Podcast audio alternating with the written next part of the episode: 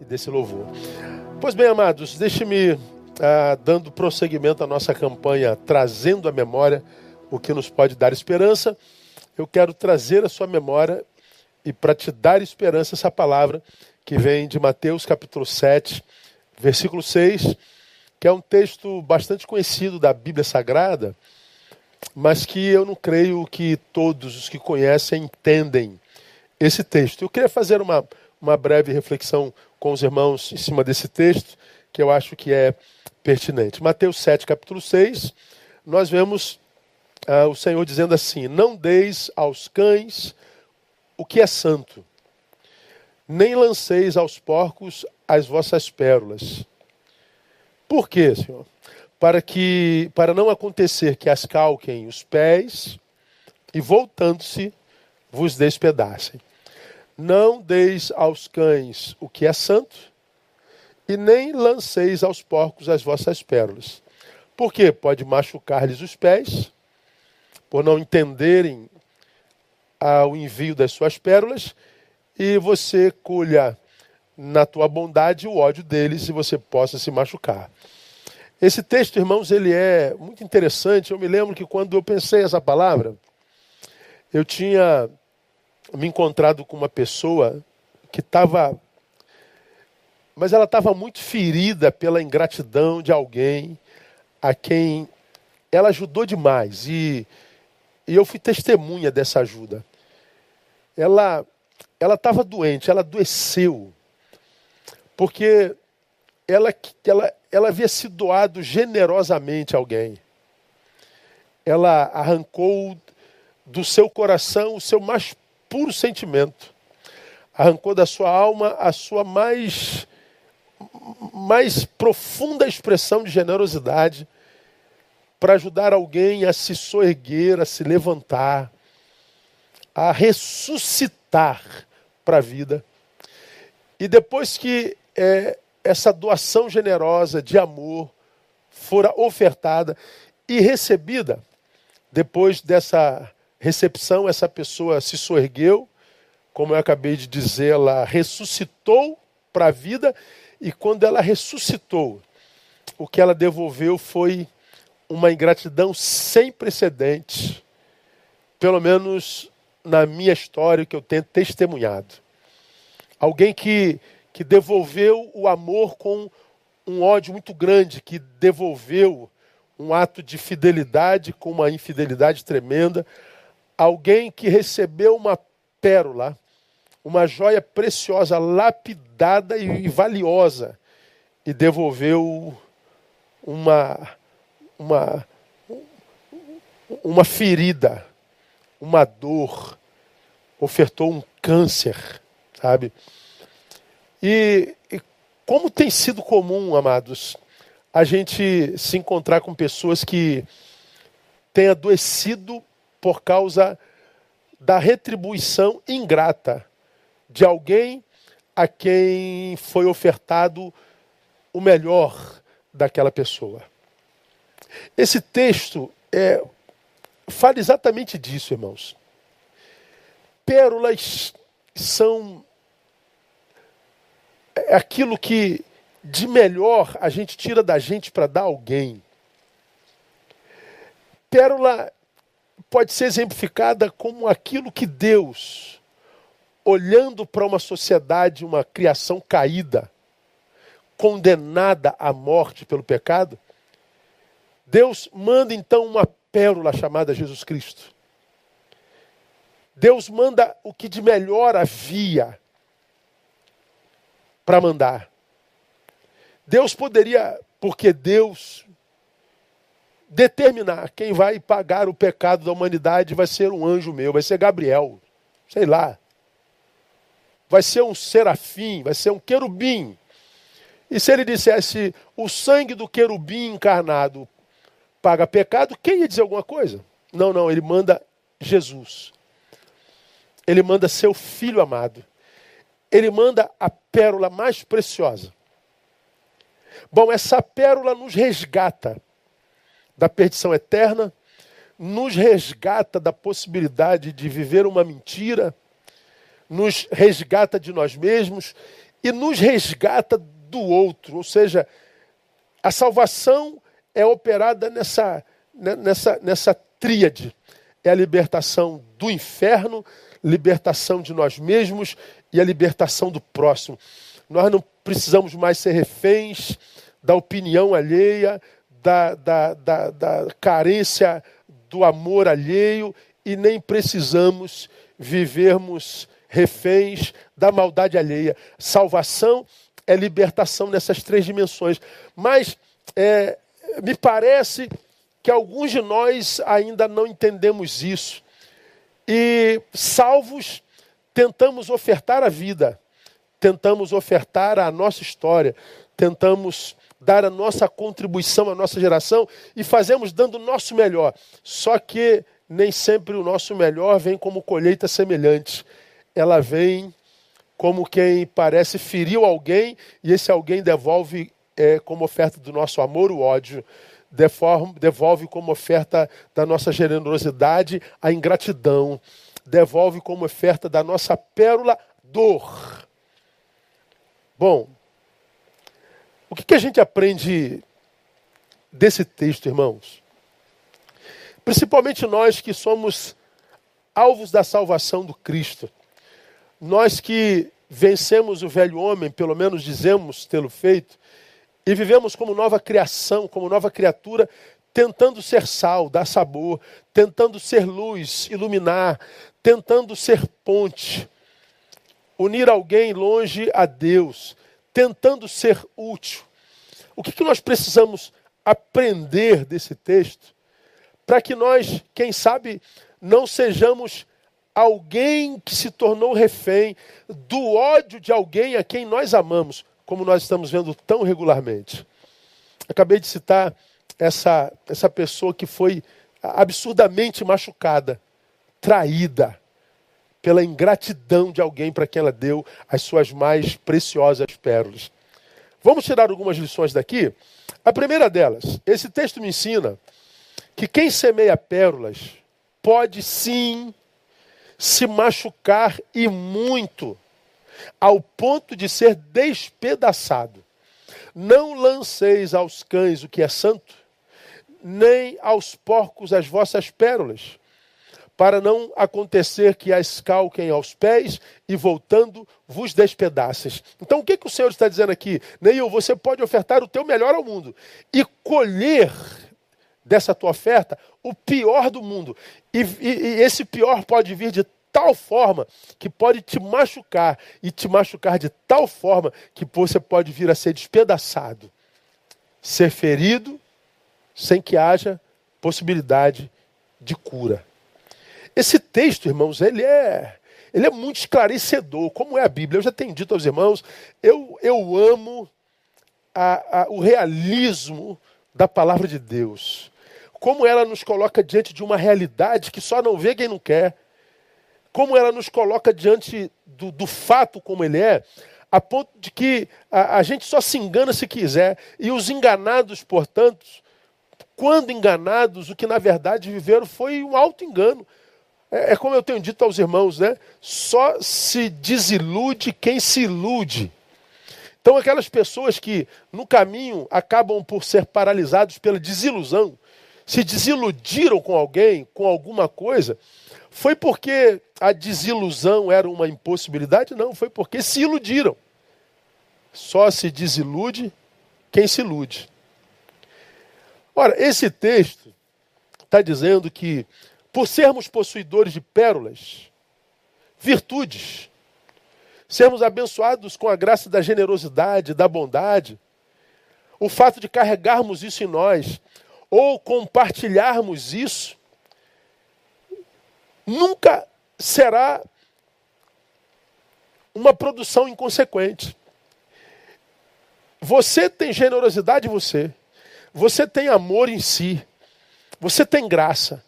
Compartilhar isso nunca será uma atitude inconsequente. Ela vai trazer consequências sobre a sua vida. Sempre trará. Ou seja, é, semear o bem nunca faz com que nós colhamos o bem. Pelo menos na mesma hora da semeadura. Pelo contrário. Poxa, pastor, eu acho que essa palavra ela não tem muito nexo. Ela não, ela, ela, ela, ela é esquisita, hein, pastor? O senhor tem certeza do que o senhor está falando? Tenho. Porque é, o texto diz, Neil, oferte pérola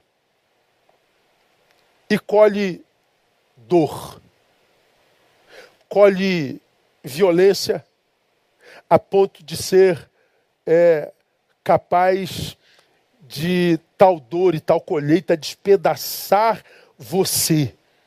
É o Senhor quem está dizendo, não sou eu não. Tudo que eu lanço na vida traz consequências.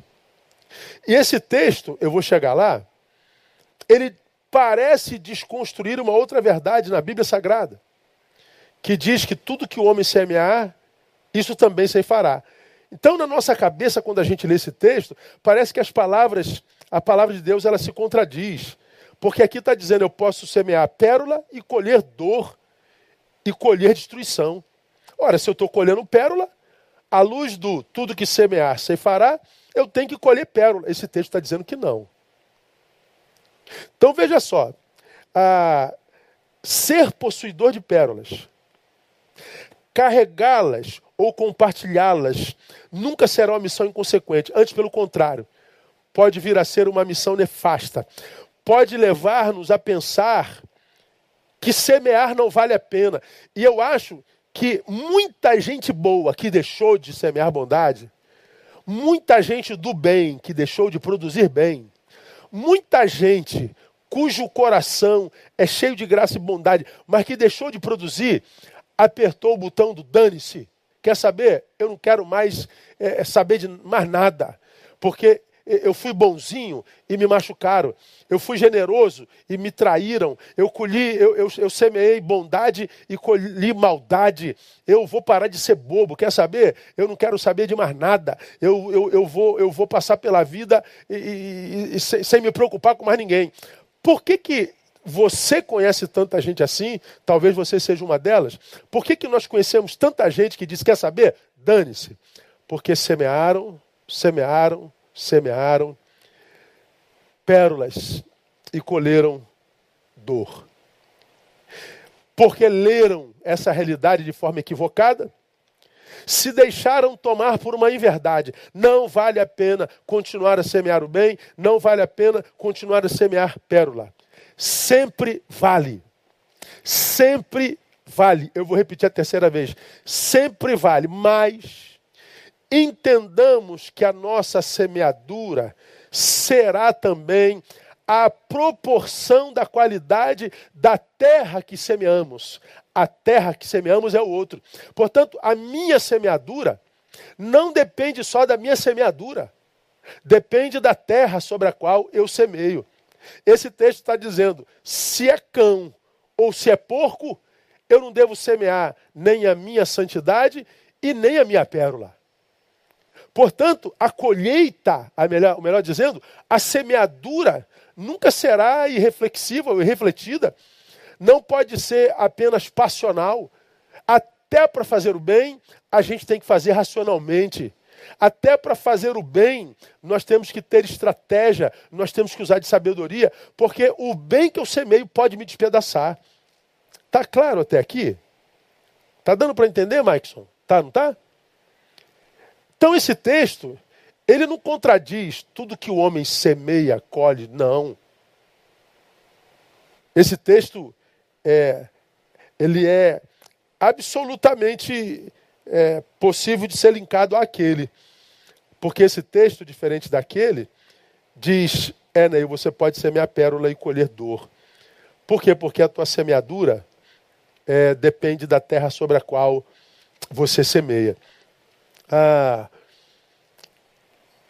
quando você evoca Gálatas 6, 7, tudo que o homem semear, isso também se fará, nós precisamos evocar esse versículo, mas entender uma coisa a respeito dele.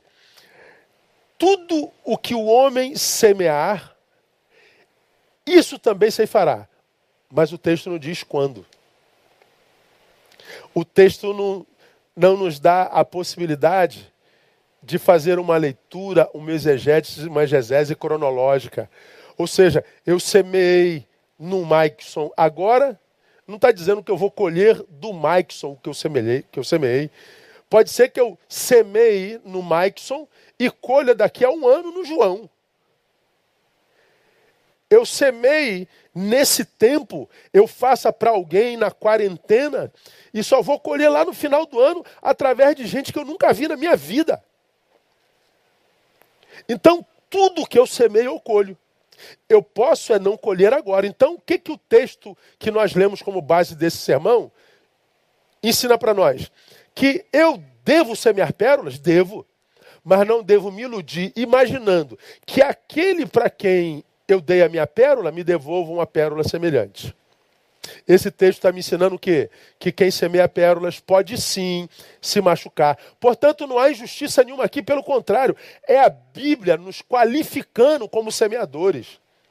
É a Bíblia nos dando estratégias para que, como semeadores, a gente não viva uma desconstrução, ou seja, pare de semear, como eu tenho visto tanta gente parando de semear, porque foi alguém que colheu dor quando a pérola foi o que ele semeou. Está entendendo, minha igreja? Não admitir essa realidade é correr o risco de não só perder as pérolas que foram semeadas, não só perder a generosidade, esse sentimento raro e necessário, não só perder a generosidade com a qual semeou, e, sobretudo, é possível, se você não considerar isso, perder a sua vida. Porque o texto diz: eu posso ser despedaçado eu posso ser desconstruído, eu posso ser matado, roubado e destruído. Eu tenho me encontrado, irmãos, lamentavelmente, com muita gente que tem ficado pelo caminho, porque acreditou que sendo do bem, que fazendo o bem, estaria blindado contra a dor, contra a ingratidão daquele para quem o bem foi ministrado. Então o problema, acredite, meu irmão, principalmente se você é do, do time dos que ficaram para trás, não foi porque você fez bem que você é, foi maltratado. Foi porque você fez o bem, imaginando que o bem que você fez voltaria através daquele que foi alvo do teu bem. Não, a Bíblia não diz isso. Portanto, eu posso fazer o bem nesse tempo que se chama hoje, e colher nesse mesmo hoje o mal desse dia, porque a Bíblia diz que basta cada dia o seu mal, nós já pregamos sobre isso, todo dia carrega mal em si mesmo, todo dia. 365 dias do ano, cada um deles tem mal na sua essência. Portanto, eu posso, num determinado dia, semear minha pérola, fazer o meu bem e naquele dia colher o mal. É, o realismo da Bíblia é, é fenomenal, cara. Quando a gente lê a Bíblia como tem que ser lida, a gente não se frustra. A gente não se desilude. A gente não paralisa por erro de diagnóstico. A Bíblia, ela traz luz ao nosso, ao nosso saber, ao nosso entendimento. A gente não, não, não, não se torna é, é, produto do que o outro disse ao nosso respeito, a gente não se torna produto do que o outro fez a nós, a gente não se torna nem produto das nossas projeções a partir da leitura equivocada que a gente faz na rede, que a gente faz da, da Bíblia. Ah, pastor, eu, a Bíblia diz que, que quem faz o bem colhe o bem, eu fui fazer bem, dei da minha pérola, olha o que eu colhi de volta. Eu não vou fazer mais não. Não, você leu a Bíblia errado, meu irmão. Esse texto está dizendo, olha, quem faz o bem pode se machucar mesmo. E pode se machucar de tal forma a, a ser despedaçado. Talvez você pergunte daí. Vamos analisar as hipóteses. Pastor, isso não é muito pessimista, não, pastor? Isso não é muito pessimismo, não, pastor? Não, não, não, não. Isso é outra coisa, isso é realismo. Pessimismo é analisar tudo pelo campo negativo. O realismo é ver a coisa como ela é. E o texto está dizendo: quem semeia pérola pode ser despedaçado. Está dizendo aqui. Esse realismo a gente vê marcado em alguns personagens da Bíblia e alguns momentos da Bíblia. Eu vou ler umzinho para você, que eu acho que você conhece bem. Vem de Neemias, capítulo 4, verso 17. Você conhece a história de Neemias. Neemias foi levantado por Deus para reconstruir o muro de Israel que havia sido derribado. Há um, há um, há um versículo, o 17, irmãos, que é assim fenomenal. Que diz assim: ó, os que estavam edificando o muro e os carregadores que levavam as cargas, olha o texto. Cada um com uma das mãos fazia a obra e com a outra fazia o quê? Leia aí. Segurava a sua arma. Em outros textos, segurava a espada. Estamos construindo um muro? Estamos. Bota cimento aqui no tijolo. Pum. Outro. Pum. E na outra mão? A espada. Por quê? Porque eles estavam construindo um muro por ordem de Deus, debaixo da bênção de Deus, mas eles não deixavam de desconsiderar a existência de Tobias e Sambalate. Eles sabiam que os inimigos estavam lá e nem debaixo da bênção de Deus eles estavam imunes à ação dos inimigos. Isso aqui é realismo. Ah, não, eu estou fazendo a obra do Senhor, eu estou dando as minhas pérolas, a minha contribuição para a construção do muro das, da cidade de Deus, então eu estou blindado contra a ação do inimigo. Não, não estou não. Então eu vou segurar minha espada aqui, sabe, gente? Eu vou ajudar você nessa quarentena, mas eu não vou esperar nada de você não, porque eu não sei se você é porco ou se você é cão. Eu não sei se você carrega dentro de você inveja, ira, uma mágoa passada. Eu não sei que tipo de gente é você. Então, o mínimo que eu posso fazer é fazer o bem sem esperar colher nesse exato momento o bem que eu fiz. Isso é realismo. E eu colho trabalhando com realismo, mas firmado na promessa que diz: se semeou, vai colher, Neil. Se ele disse que eu vou colher, eu vou colher. Ele só não me disse que vai ser agora. Agora, e qual o problema disso, irmão? Nenhum. Como eu tenho dito, tenho ensinado a vocês, a, o que semeia tem direito ao fruto do que semeou, não há dúvida.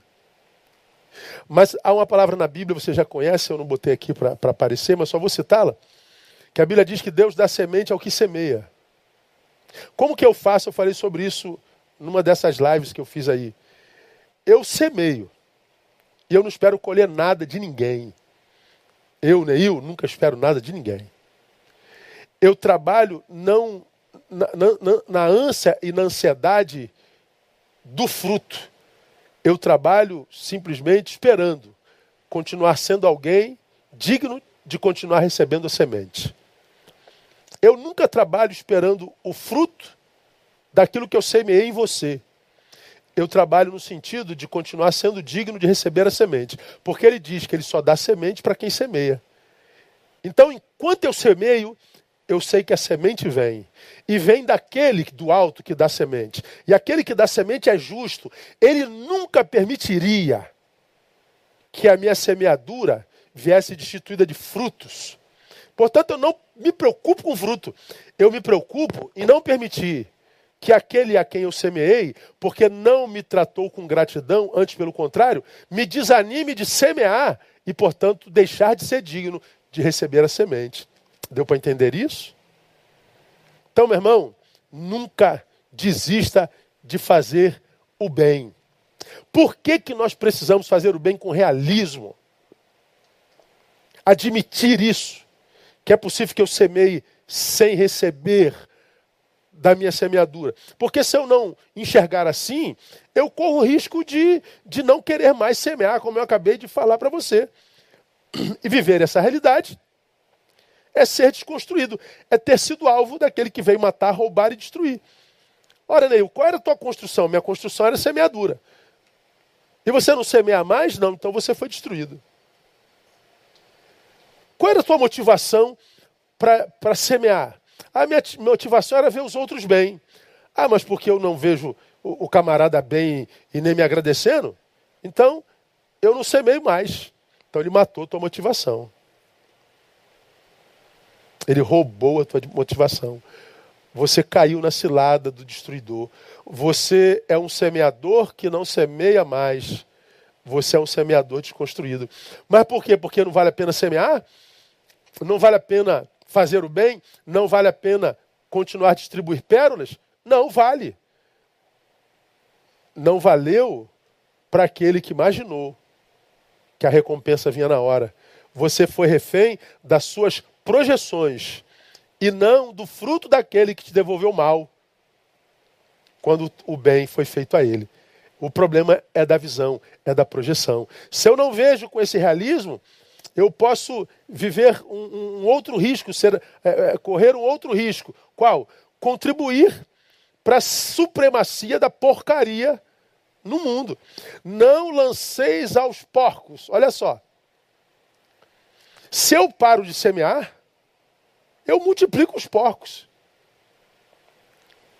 Porque quando eu semeio o meu bem, eu posso, por um ou outro porco ingrato, não receber o bem de volta. Mas enquanto eu semeio o bem, é possível que esse bem alcance um deles e os transforme, gere neles uma nova criatura, que eu cure alguém dessa porcaria de vida e desse porco que a pessoa é, à luz da palavra. Agora, se eu paro de semear, eu contribuo para a multiplicação da porcaria.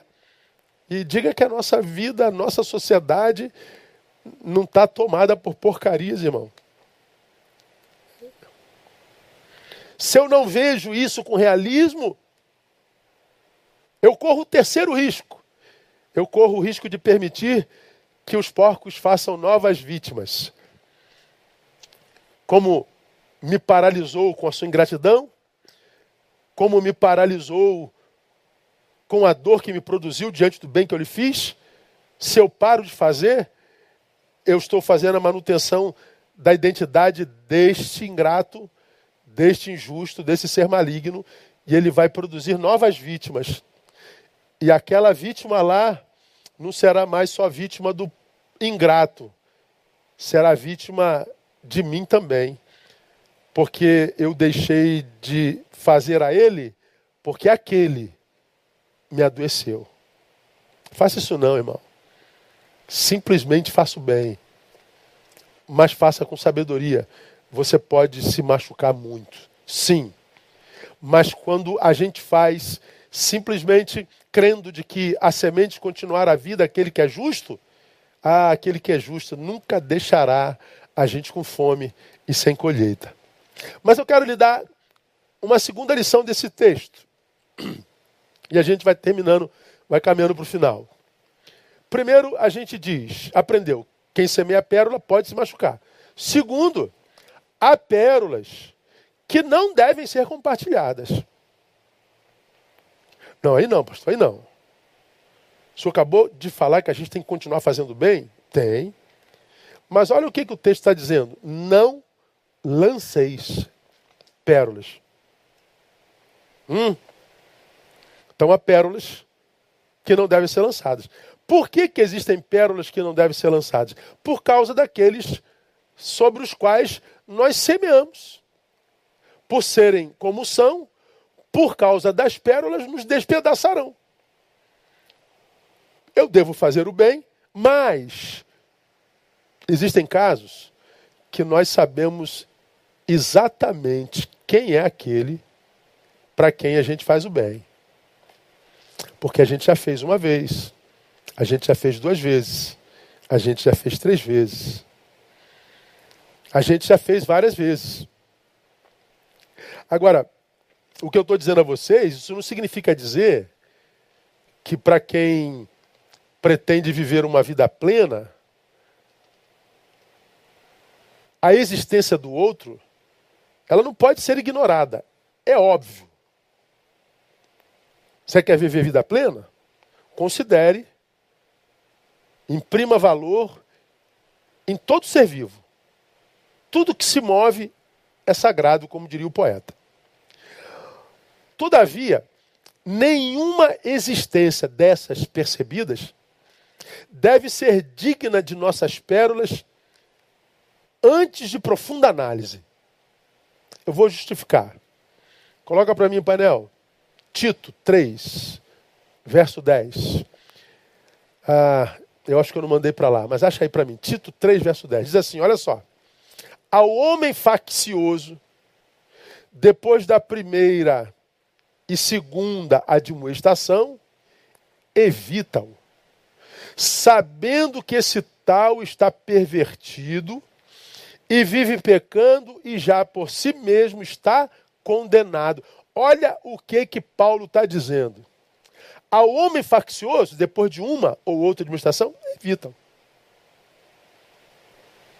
No Evangelho, diria-se, considere-o, consideram gentio e publicano. Já está condenado em si mesmo.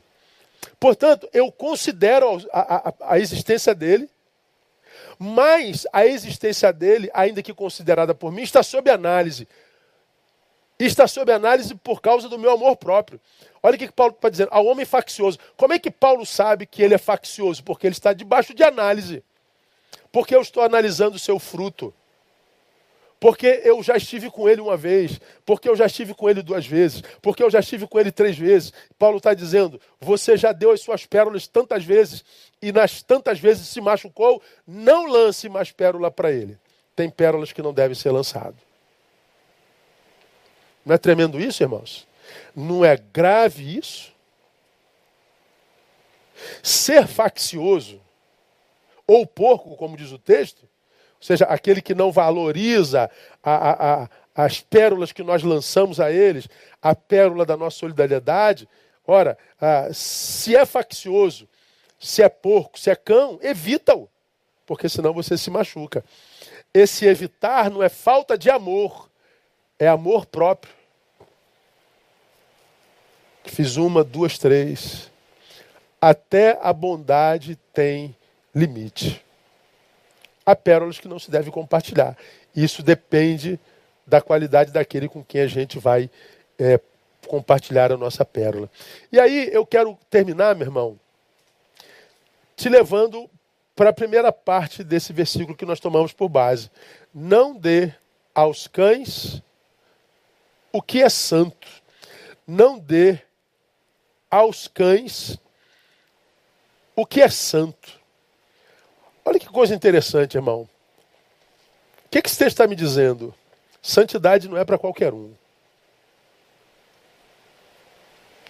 Deveria ser, mas não é para qualquer um, não.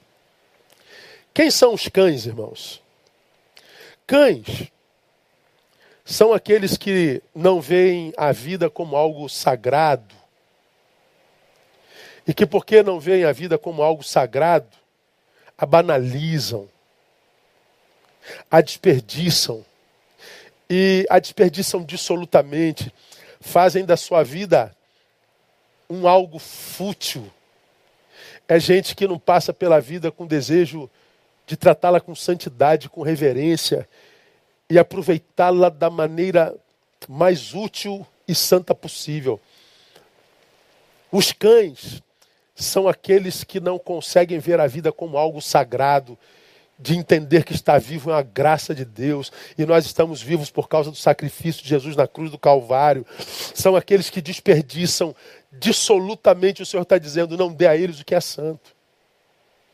Cães são aqueles que não se preocuparam em dar sentido a uma existência tão ligeira, mas que ao mesmo tempo eterna. A nossa existência ela é ligeira, ela passa no instante. Você está com 15 anos hoje. Você vai dormir essa noite e acorda amanhã com 30. Você dorme hoje com 30 anos, amanhã acorda com 53 da minha idade. E você diz: Meu Deus, ontem eu tinha 15 anos, hoje eu estou com 50. Pois é, os jovens não acreditam nisso, né? Mas vão dormir e vão acordar com 30 e vão se lembrar disso. Você que está com 30, 40, 50 sabe do que eu estou falando. Ela é, ao mesmo tempo, tão ligeira, mas ela é também eterna. Portanto, nós temos que, nesse tempo cronológico do ligeiro ao eterno, nós temos que nos preocupar em dar sentido a isso. E tem gente que só quer colocar nesse interregno entre o nascimento e a morte prazer, viver uma vida hedonista. Não desperdice a tua pérola com isso. Os cães são aqueles que passam pela vida sem permitir que a vida passe por eles como um rio, porque eles não estão correndo em sentido algum. São pessoas ilhas, são pessoas que estão cercados de possibilidades, mas não se compartilham. Não são pessoas ponte, são pessoas muros. E o Senhor está dizendo: você conhece alguém assim? Então, cuidado com as suas pérolas. Cuidado quando se doa. Você pode até se doar uma, duas. Mas se você perceber que é cão, que é porco, que é faccioso, poupe-se. Até para fazer o bem, a gente tem limite. Todos nós, porque humanos, somos seres limitados. Nós vamos lá na frente ouvir o Paulo dizer: e não nos cansemos de fazer o bem. Fazer o bem cansa. Então, se o bem que você está fazendo a este não está sendo valorizado, e você já fez uma, duas, três, quatro, sei lá quantos, quantas vezes, se é possível, então continue fazendo bem, mas para agora este, para que você não seja despedaçado, para que você não seja matado, morto, roubado e destruído. E que seja convencido de que não valeu fazer a pena fazer o bem, não valeu a pena ter dado do meu melhor, não valeu a pena ter dado do, do, do meu afeto, da minha generosidade. Sempre vale a pena, mas a gente tem que fazer isso com muita sabedoria. Amar ao próximo, mas lembra? Aqui termino. Como a nós mesmos. Eu amo você como eu me amo. Como o meu amor ofertado a ti só me machuca, porque eu me amo, eu vou continuar amando. Mas aquele lá.